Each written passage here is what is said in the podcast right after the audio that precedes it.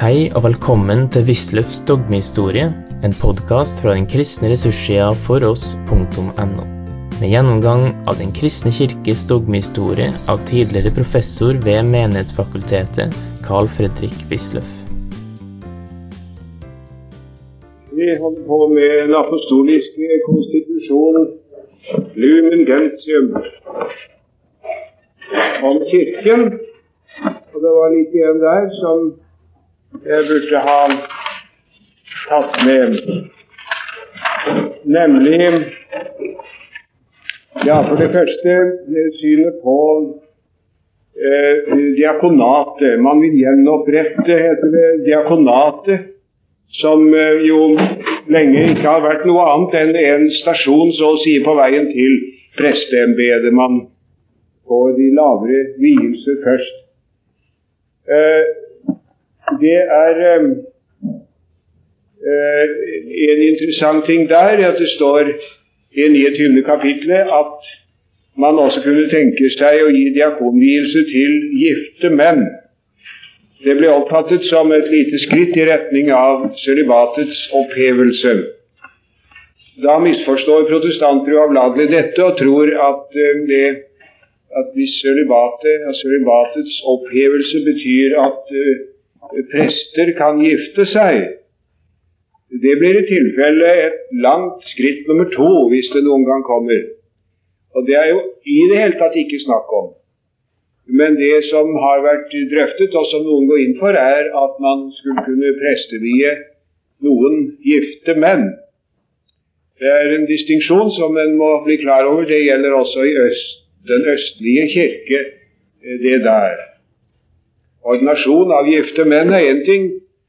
Eh, at presteviede folk gifter seg, er noe ganske annet. Og helt utenfor horisonten, i hvert fall foreløpig.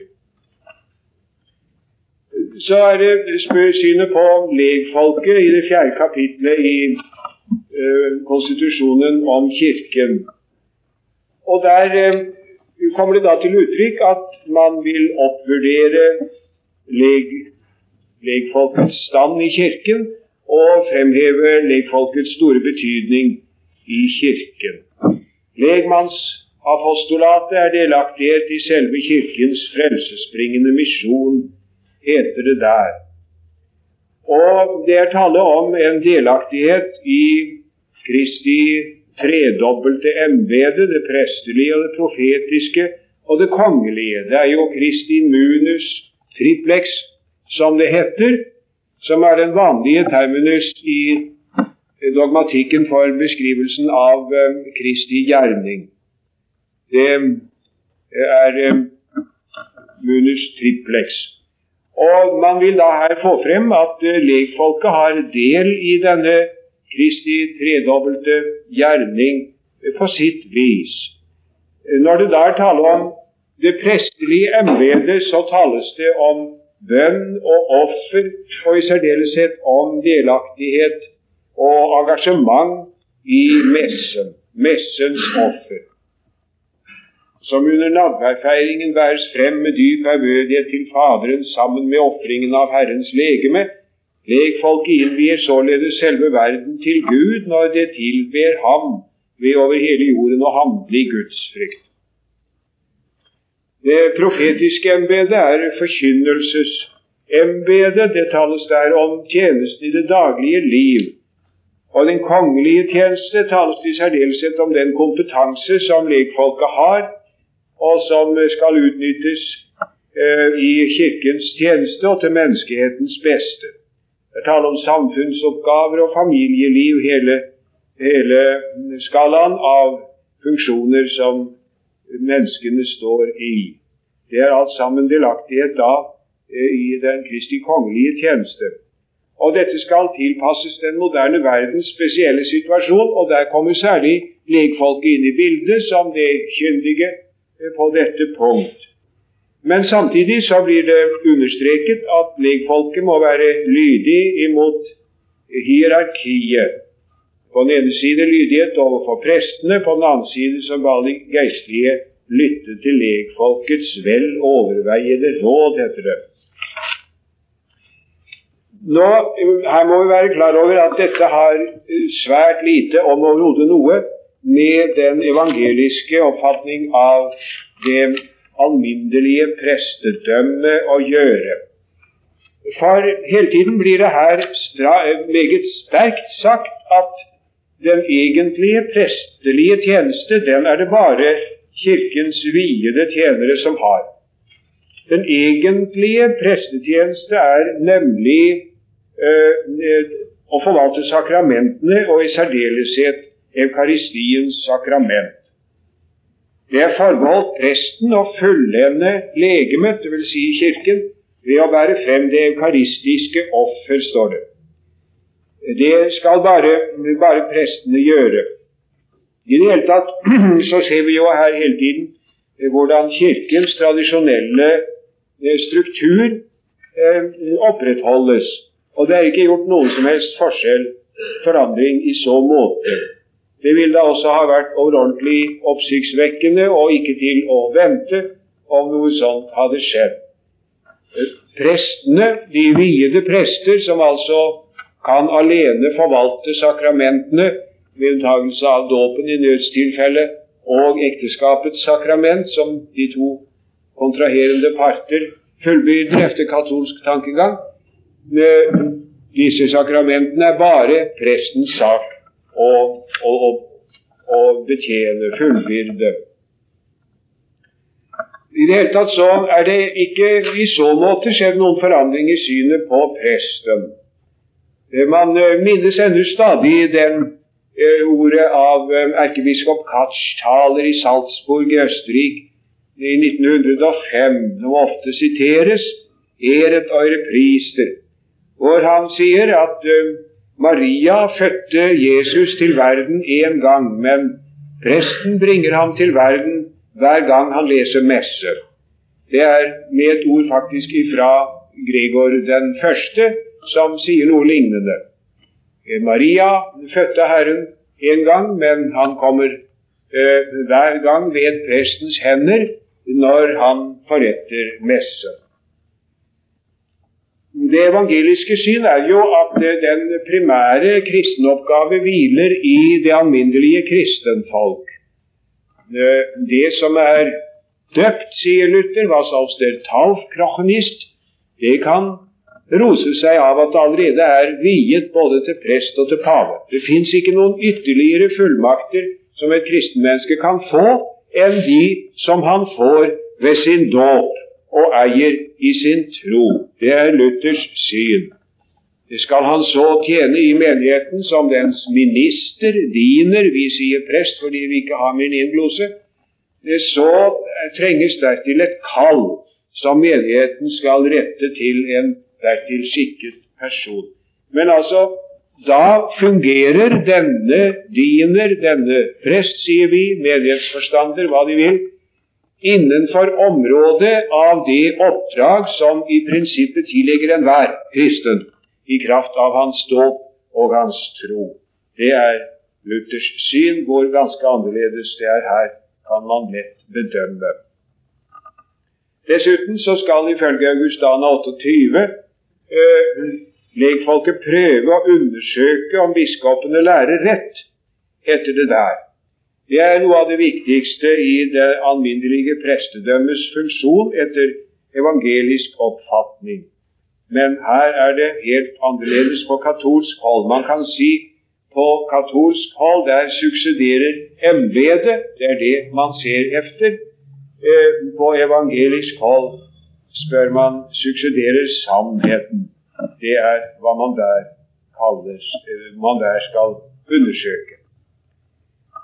Eh, så er det flere kapitler. Jeg nevner det sjette, som handler om ordensfolk, som det heter. De vil altså si om munker og nonner.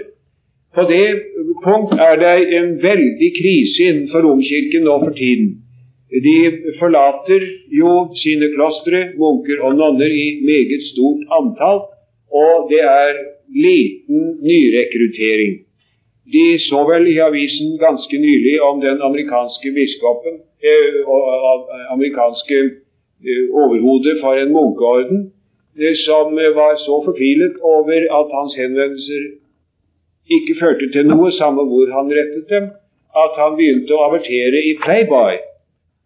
I Playboy. Eh, om det dog skulle være en som satt og leste Playboy, som skulle eh, komme i tanker om å uh, love evig kyskhet. Ja, det er faktisk Så dere ikke det, der? Hva? Jo, det har stått i alle aviser og vært kommentert i sommer. Eh, så er det et kapittel om Maria. Der eh, hadde man på forhånd ventet nesten en uttalelse om, eh, om, Maria. Det lå liksom i luften på et tidligere tidspunkt.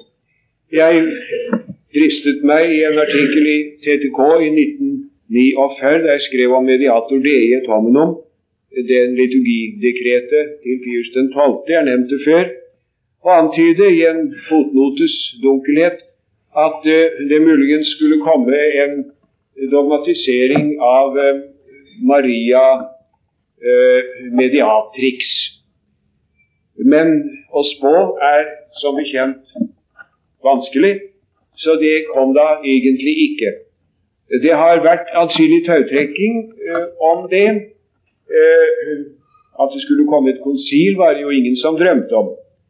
Men altså at det kunne komme en dogmatisering av Maria Mediatrix, det tenkte man seg. Og det jeg supponerte, var at eh, dogmet om Marias uh, altså hennes opptagelse i himmelen, som man ventet, kanskje skulle være en trinn videre til en dogmatisering av dette med hennes rolle som for medforløserske. Mediatrix eller korredemptrix er helst det man venter.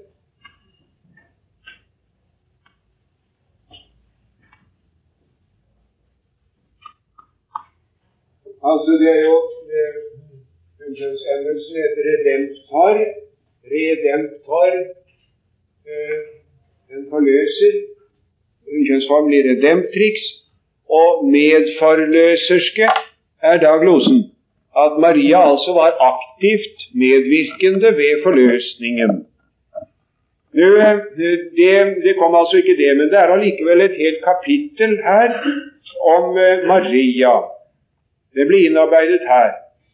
Eh, Maria var, står det, ikke rent passivt medvirkende, har ikke bare rent passivt medvirket med ved forløsningen, men hun har i tro og lydighet medvirket til menneskenes frelse, står det da allikevel her. Eh, det er altså med rette fedrene mener at Maria ikke har vært et rent passivt redskap i Guds hånd, men hun har tvert imot i frihet, i tro og lydighet medvirket til menneskenes frelse. Eh, det er et, vanlig tema under de mariologiske kongresser som det var mange av før, ser ikke så mye til det nå, var eh, dette som man kalte for Marias fiat voluntas tua. Skje din vilje. altså Det oppfattes, det er jo, det er jo rent passivt å forstå. Eh, meg skje mihi fiat. Meg skje efter ditt ord. Men det blir snudd om til et maktord. Eh, fiat, det skjer. Altså Maria som aktivt medvirkende ved forløsningen. Neppe et nytestamentlig synspunkt. Hun blir her kalt for auxiliatrix, adjutrix, mediatrix. Og eh, kanskje for å støtte dem noe som hadde ventet seg mer, kom da denne uttalelse av pave Paul i november 64, som jeg har nevnt før. Mariam sanctissimam declaramus matrem ecclesia. Vi kaller den aller helligste jomfru Maria Kirkens moder. Altså, Den dogmatiske konstitusjonen om Kirken den har ikke noe nytt i forhold til det evangeliske reformatoriske standpunkt. Her er pavens ufeilbarhet også fastholdt uttrykkelig henvisning til det første Vatikankonsil. Og dette forholdet som vi talte forholdsvis inngående om i går, nemlig relasjonen mellom paven og episkopatet, er selvfølgelig en meget viktig sak innen Romerkirken. Innen Romerkirken og en forskyvning i en eller annen retning der er for så vidt eh, en sak av stor betydning som man legger merke til. Men for relasjonen mellom Romerkirken og den evangeliske kristenhet er dette spørsmål uten interesse. Det er eh, jo ganske klart, for ingen av de der nevnte forestillinger er evangelisk å forstå. Det var i denne situasjonen at denne eh, encyklika eh, kom, som jeg har nevnt før innledningsvis, og heter Eklesiam Suam, hvor, eh, hvor Paul 6., 14 måneder etter sin tiltredelse, for første gang uttalte seg i en rundskrivelse, en encyklika. Det, det virket og var ganske må, må avgjort ha vært ment som en et forsøk på å dempe på dem som var altfor ivrige til å gå på. Han advarer mot falsk konformisme med verden, visse unge klerikere og overivrige ordensmenn, ordensbrødre, som eh, gjennom unødig efterligning, heter det, av de verslige livsformer i virkeligheten skader sin egen innsats. Man må elske Kirken som den er heter det. Dette har jeg nevnt før, og likeså den dialog som paven ville ha med, med uh, hele menneskeheten, med jødene og alle de atskilte brødre, som er det vanlig brukte uttrykk for de evangeliske kristne. Alt dette har jeg nevnt før. Og jeg har også sitert for dem det som er anført her. Uh, den katolske kirke ville ikke være seg selv uten paven, og kirkens enhet ville ligge i ruiner uten det øverste virksomme og avgjørende Peters hyrdeembete. Det var altså Paul den 6. i eh, november 64. Nå, det, det, det, er ikke godt å få oversikt over det enda, kanskje. Fremtiden vil se eh, tydeligere hva det er som er skjedd, og hva det som nå er i ferd med å skje innenfor Romerkirken. Men eh, man har i hvert fall forsøkt åpenbart på en mer kristosentrisk beskrivelse av Kirken. Men vekten og betydningen av den organiserte romerske kirke er ikke derved minsket, som jeg har uh, sitert for dem før eksempler på. Og denne biskopenes uh, kollegialitet, som det heter, den virker som en tilbakegang til den gamle kirkes syn på hver enkelt biskop som vikarius Kristi. Det er uh, merkelig å lese Kyprians brev f.eks. og mange andre oldkirkelige lederes brev, hvor de meget, uh, skal ha seg meget frabedt at noen blander seg inn i deres saker. En annen biskop. Ingen har noe å si over en annen. Enhver biskop står med et uendelig ansvar for Gud og skal svare Gud regnskap for hvordan han har røktet sin jord. Og man regner med en guddommelig ledelse til hver enkelt biskop. Det er derfor biskopen, hver enkelt av dem, som er vikarius Kristi. Men som eh, hollenderen Schillebeck har sagt, det er, ja, det, det er enda vanskeligere det ordet, navnet, enn det står der, for det skal faktisk være en det skal være to e-er i siste stavelse, og så skal det være en x efter ck-skille. Jeg vet ikke hvordan det uttales. Men det er en meget kjent eh, teolog, OP, altså Ordo Predicatorum. Han er dominikaner. Han har kommentert dette og peker på at siden 700-tallet har det vært reservert for paven, dette uttrykket. Men nå skal det altså være annerledes. Paven utøver kirkeregimentet sammen med biskopene, men samtidig skal dogme om pavens ufeilbarhet og hans sum episkopat, vel å merke, være som det ble definert i Vatikanum I.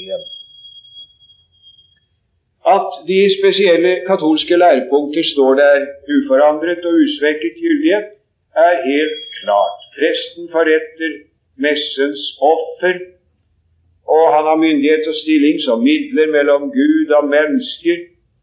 Det er ganske visst så at lekfolk er et prestelig folk, men i helt forskjellig forstand enn en presteskapet. Og messeofferet, det er stadig det det var, kommer ofte til uttrykk. Kristus ofres sakramentalt på alteret, heter det i eh, Lumen Gentium, altså om, om Kirken. Og Maria tillegges alle de gamle predikater og er dessuten nå tillagt tittelen Kirkens moder. I 1967 så reiste Pius den, eh, nei, uh, Paul den 6. også til Fatima i, i Portugal. De vil huske hva vi her har hatt for oss om dette. Det var i 1917 jo at det var tre småbarn som fikk en Maria-visjon. Og Maria ga dem å vite enkelte ting om krigen som snart skulle slutte, og at paven skulle innvie alle mennesker til Marias hellige hjerte. Og så enda en sak som ennå skal bero i Vatikanet inntil man finner at tiden er inne til å offentliggjøre det. Men denne Maria Fatima har jo endog vært en så populær manifestasjon av Maria at den sterkt har kunnet konkurrere med Lourdes i Frankrike. Og her valfartet paven til Fatima ved anledning 50-årsminnet av disse åpenbarelser i 1917. Det tiltrakk seg jo stor oppmerksomhet, uh, litt forskjellig alt ettersom man syntes det var uh, gledelig eller kanskje skuffende. Det har vel vært begge meninger både innenfor og utenfor Romerkirken, åpenbart. Skjærsild og forbønn for døde i skjærsilden det er her eh, sterkt fremhevet.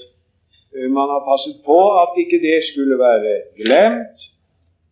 Eh, inntil Herren kommer i sin herlighet og englene med ham, vandrer noen av hans disipler på jorden, andre renses efter å ha eh, forlatt dette liv, heter det.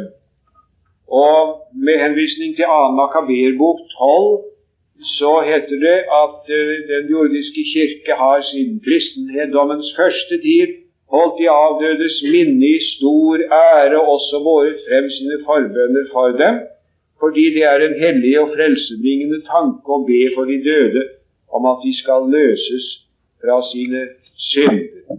Og likeså Maria og helgenene, naturligvis også her da. Så kom dekretet om ekumenismen. Det er jo kanskje det som var mest diskutert. Det ble en del offentlig debatt om forståelsen av det også her hos oss. Og det er med avskillig undring ærlig talt at man nå leser de høystemte eh, forventninger man knyttet til det bare såpass få år etter. Dette om eh, dekretum de økumenismo, som det heter, eh, det begynner med å si at et av de viktigste mål eh, som annet Vatikankonsil har satt seg, er å gjenopprette enheten mellom alle kristne. Og det, Dermed så har man da uttrykkelig sagt at dette dekretet må tillegges stor vekt og betydning. Eh, det tar sitt utgangspunkt i den ene og synlige Guds kirke, som uttrykkelig blir sagt er, eh, er eh, den romerske kirke. Den nemlig som denne unicus dei grex, det eneste jord, som er betrodd til Peters omsorg og spesielle styre. Denne unica ecclesia, eller unus grex, som eh, altså den ene jord, den eh, er eh, det er det identisk med Romerkirken. Det er den som er under Peters styre, heter det her uttrykkelig. Og denne una og unica kirke det uttrykket er brukt også i Lumen Gentium, altså om, om, om, Kirken. Altså Der står det at denne kirke er den eneste. Nå vel, eh, Kristus har betrodd altså ledelsen i kirken til apostelkollegiet, og han har bygget den på Peter, som har himmelrikets nøkler. Men så er det oppstått eh, splittelse, og eh, det er da, har da dukket opp, heter det her, forskjellige eh, kommunitates utenom, utenom Kirken. Eh, disse blir nå omtalt på en ganske annerledes eh, fin må man si, og positiv måte enn før har vært vanlig. De kalles for eklesia endog, og communitates sejuncta er for den siste o-en, skal det være, atskilte kirker og eh, samfunn. Ad sejuncta, atskilte kirker og samfunn.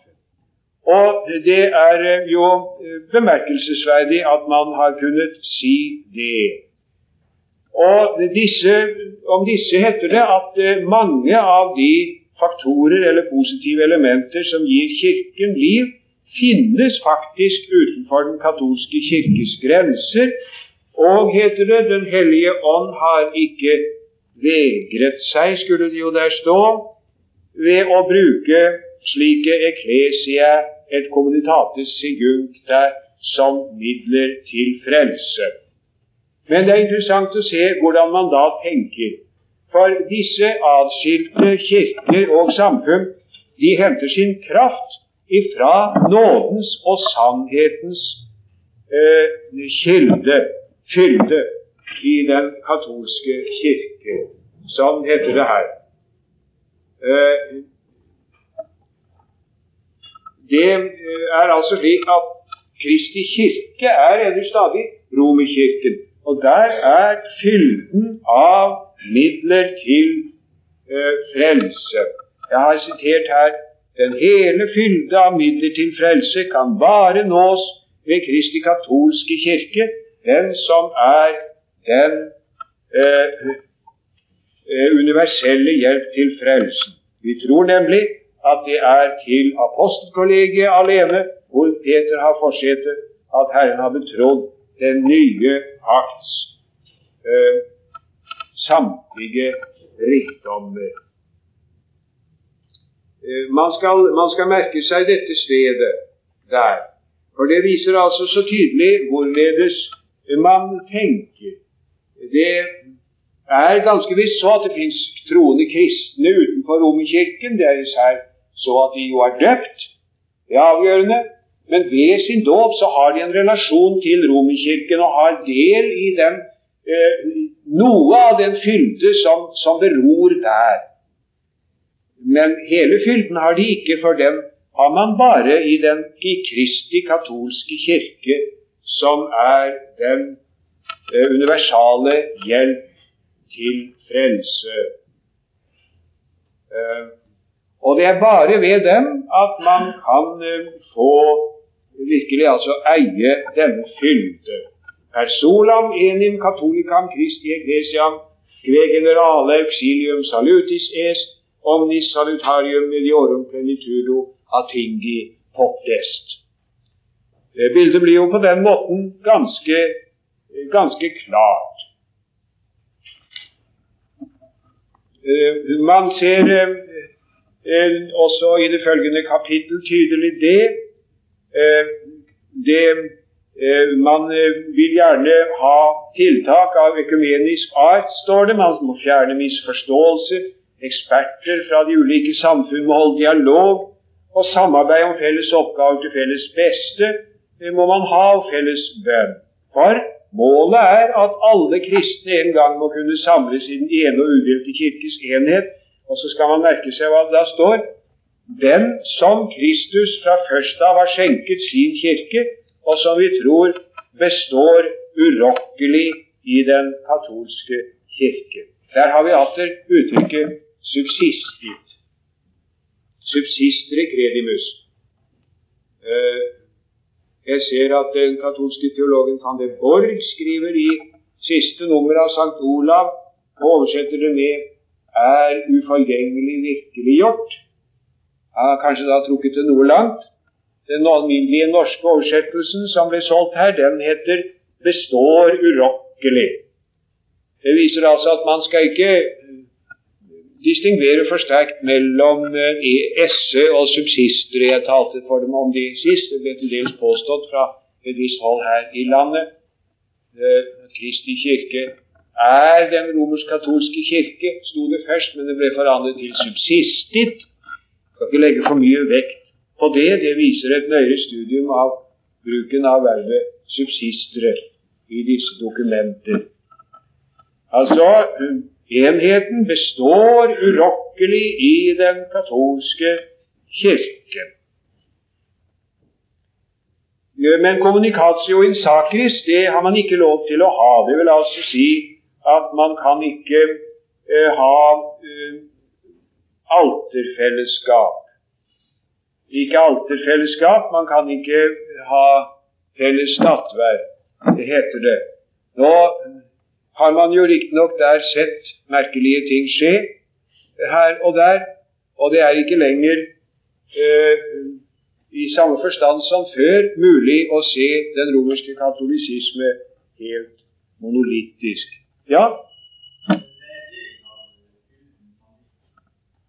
Det som vi ikke har Ja, han holder til frelse. Hun holder til frelse. Det er tydelig. Eh, det, det, det gjør den. Og uh, altså det der forholdet I uh, dekretum pro armenis i 1442 der heter det altså at de som ikke tilhører den romersk-katolske kirke, de går til helvete. Det står med klare, rene ord om den evige ild. Og det står spesifisert med jøder og heretikere Eh, så det er jo veldig krast. Eh, men, eh, men, det har man jo ikke opprettholdt. Det som Pius 12. pleide å si, det var at de kunne ikke være visse om sin frelse, de som ikke tilhørte romkirken. Det har han sagt flere steder, f.eks. i Mystis i Corporis Christi 1943. Her eh, synes det å være ennå løst noe opp slik at at uh, frelsen, den, den, får man. Men man får den så å si fra den katolske, romersk-katolske kirkes kilde. Altså, den subsisterer der. Og, og, fordi vi nå allikevel er døpt og på den måten da har en viss relasjon til Romkirken, så, så får vi det ved hvilket vi kan bli frelst. Sånn er det å forstå. Det er i virkeligheten er det stadig sånn at det er Romerkirken som er den ene sanne Krist, Kristi kirke. Eh, så er det tale om, eh, den, om de orientalske kirker i et tredje hovedavsnitt. De står dogmatisk i den katolske sammenheng. De har ordinerte prester, og de hyller Maria. Det er alt sammen ting som man da bedømmer positivt. De uh, har uh, De legger um, stor vekt på det, naturligvis, at, de, at Maria er gjenstand for tilbedelse. Men fjernere fra den katolske kirke står de adskilte. Der står adskillige. Det skulle stå adskilte kirker. og kirkelige sammenslutninger i vest, altså Iglesia et communitate sigunct her. Eh, men, eh, men det er stor eh, Det kan sies mye godt om dem også, heter det her.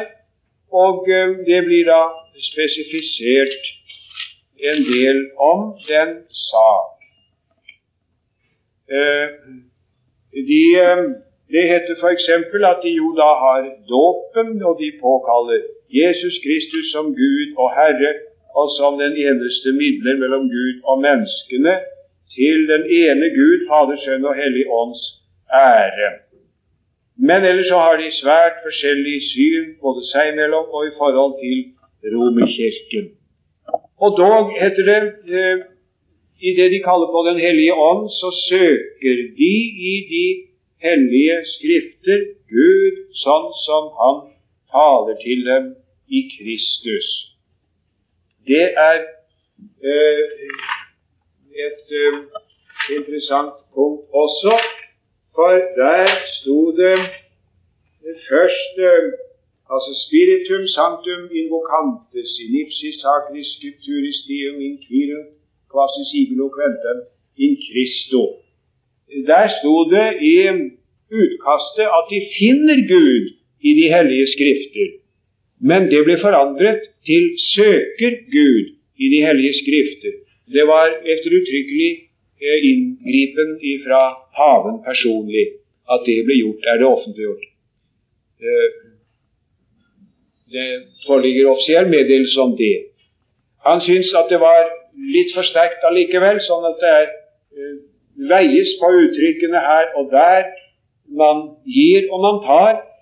Og her var det da bedre å si innfirent at de søker Gud i Skriften, enn at de finner Gud i Skriften. Og Det står da at eh, dåpen konstituerer et sakramentalt enhetsbånd mellom alle som er blitt gjenfødt ved dem. Men dåpen er i seg selv bare en begynnelse, et utgangspunkt. Eh, for eh, den er eh, direkte vendt imot livets fylde i Kristus. Dåpen er således en, orientert mot en fullstendig bekjennelse av troen og en fullstendig innlemmelse i frelsens orden, slik som Kristus har gitt den, og til sist en fullstendig deltakelse i den eukaristiske fellesskap. Og det leier med de vestlige, vestlige kirker, evangeliske, er da altså at de ikke har fylden av det eukaristiske mysterium, som det heter. Og det vil si at da, med klare ord, enkle ord, så har de ikke messeoffer. Det er vår manko da. Uh, så heter det også at uh, det fins en visst hierarki mellom den katolske læres ulike trossannheter. Er ikke alle føres tilbake til den kristne tros fundament på samme måten. Denne forestillingen om et hierarki av sannheter, hvorav noen tør være fundamentale og andre kanskje ikke fullt så viktige, er jo av nyere dato og tør være betydningsfull. Da kom den såkalte svarte torsdag 19.11.64. Det var mens det, da fikk man for det første beskjed om at erklæringen om religionsfrihet skulle utsettes til neste periode, og så at det var innført 19 forandringer i teksten til ekumenikkdekretet, det som vi holder på med nå. Det var 19 forandringer. Det kom ifra den samme høyere autoritet som vi tidligere har sett gripe inn her. Da var det stor stor misnøye. Det er samtidige skildringer, som det jo var mange av. Jeg har noen her. Uh, fortalt, fortalte jo greit om det. En, en, en, en erkebiskop ropte Er det ikke noen som har et stykke papir her? Hvorefter han satte opp en protest med en gang. Og det fikk mange hundre underskrifter på stående flekk. Og det ble da sendt til den høyere autoriteten. Men hva det ble av det, vet man ikke, og det ble ingenting av. De 19 forandringer ble stående slik som de var kommet fra aller høyeste hold. Det var da eh, eh, da, da, var, da var kommentarene nokså syrlige på forskjellige hold, og skuffelsen nokså stor på visse hold. Men det forandret ikke på det faktum at man forsøkte å tolke også dekretet om ekumenismen mest mulig i retning av en, en oppløsning av den katolske posisjonen. Ser man på det mer i detalj, så vil det vise seg, mener jeg nok, at forandringen vesentlig er verbal. Det er en annen tone, en vennlig, møtekommende tone, en hjertelig tone, Eh, det finnes ikke noen fordømmelse lenger. Eh, men det er ingen egentlig dogmatisk forandring som er funnet sted. Den romersk-katolske kirke er ennå stadig i full mening Kristi kirke. Og det som finnes av kristen liv utenfor dennes organiserte ramme, hierarkisk styrte eh, samfunn, det eh, henter altså sin kraft ifra den fylde som alene finnes innenfor den katolske kirke. Det kom også et lite dekret om eh, de orientalske kirker. Og Det er jo noe som vi bør være oppmerksom på her i den vestlige, i den vestlige protestantisme, at for Romerkirken så tør nok den gresk-ortodokse kristenhet i virkeligheten være viktigere enn eh, en oss. Det var visstnok helt tydelig når det gjaldt Johannes den 23. Han hadde eh, vært i Konstantinopel en tid og kjente disse ting. Han var en ekspert på de gresk-katolske forhold, heter det. Og det er ganske klart at man der ser et område av den største betydning. Siden 1054 så har man betraktet Østkirken som skismatisk, for så vidt den da ikke er heretisk endog. Eh, det er jo forskjell på det. Skismatisk, da er det ikke avgjørende dogmatiske læremessige avvikelser, men bare eh, kirkelig organisatoriske. Eh, det kanskje endog kjetterske, for så vidt som de ikke eh, vil anerkjenne dogmene om eh, pavens ufeilbarhet og mariadogmene. Man har selvfølgelig alltid vært klar over at den østlige kirke står meget nærmere den vestlige protestantisme. Og Det finnes jo også noen, som før nevnt, orientalske kirkesamfunn. De har sine egne liturgier, men er unert med Rom, eh, for så vidt som de er underlagt pavens jurisdiksjon, og det er det viktigste. Det er kjent nok at noen slike unerte kirker fins. Nå vel, dette lille korte dekret om de orientalske kirker kom eh, som et supplement til det som står der i dekretet om ekumenismen. Eh, hovedinntrykket er at eh, det er mye forståelse, men at Roms primatkrav ikke på noen måte oppgis. Det er her som overalt ellers. Det roses den gamle ærverdige Ritus. Det anerkjennes at den har en valid presteordinasjon.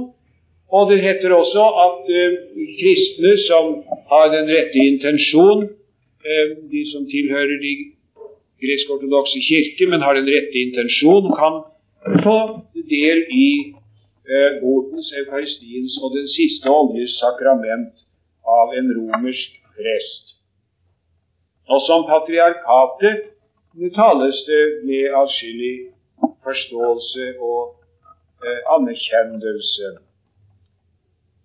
Eh, men, eh, men eh, fra punkt til punkt så blir det viktigste fastholdt. Alle skal befinne seg sub moderam, moderamine romani pontificis, under den romerske eh, paves styre. Eh, eh, moderamen betyr jo altså styre, dog ikke altså i betydningen av, av, av ordre akkurat, men allikevel antyder ordet en overhøyhet. Og sedes apostolica, det apostoliske sede, er superna, skal det være, arbiter inter ecclesialium relationum. Han er en øverste skilsmann og dommer i mellomkirkelige relasjoner. Og Det kan peke på et uttrykk som salvo primatu romani pontificis. Nå det er jo mange som undret seg litt over dette her, for man kunne vel ikke vente egentlig at de skulle være så kolossalt begeistret på østlig katolsk hold. Eh, det, det, det, det, som man sier her av anerkjennelse, det takker åpenbart de østlige katolske ikke så veldig mye for. Dels fordi de ikke syns de trenger det. Det er de som jo har den opprinnelige kristne form, mener de. Og dels fordi det har vært sagt før så ganger i substans. Det store anstøt for det gresk-ortodokse er jo Roms krav på overhøyhet. Også dette her at de har promulgert dogmer, det har de ingenting med. Det er kirkemøtenes og det er de gamle syv økumeniske konsilers sak å definere trossetninger og ingen annen i verden. Det er helt forferdelig etter den østlige katolske forestilling, tankegang, at man har gjort det. Nisiotis, nisiotis Eh, i Ecumenical Review i nummer fire for 1964 skal det stå. 64 står en artikkel om det som er ganske, ganske sår i grunnen. Nettopp om, om det der. Og Dertil kommer at uh, man kjenner jo ikke den tanke i øst altså om en judiksjonell eh, overhøyhet. Uh, det er de enkelte biskoper som råder og ellers har man jo dette system med de såkalte autokefale kirker. Hvert sitt eget overhode. Patriarkater. Erke... Du har nå hørt Wisløffs dogmehistorie. Finn flere ressurser og vær gjerne med å støtte oss på foross.no. Følg også gjerne noen av våre andre podkaster, f.eks. Table Talks.